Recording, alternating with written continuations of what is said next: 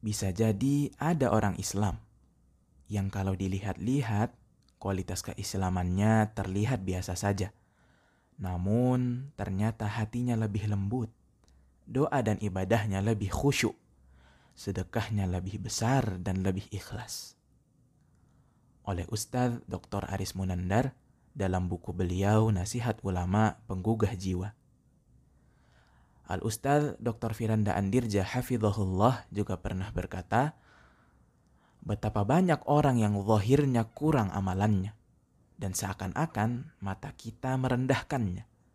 Namun ternyata ia sangat tinggi derajatnya di sisi Allah.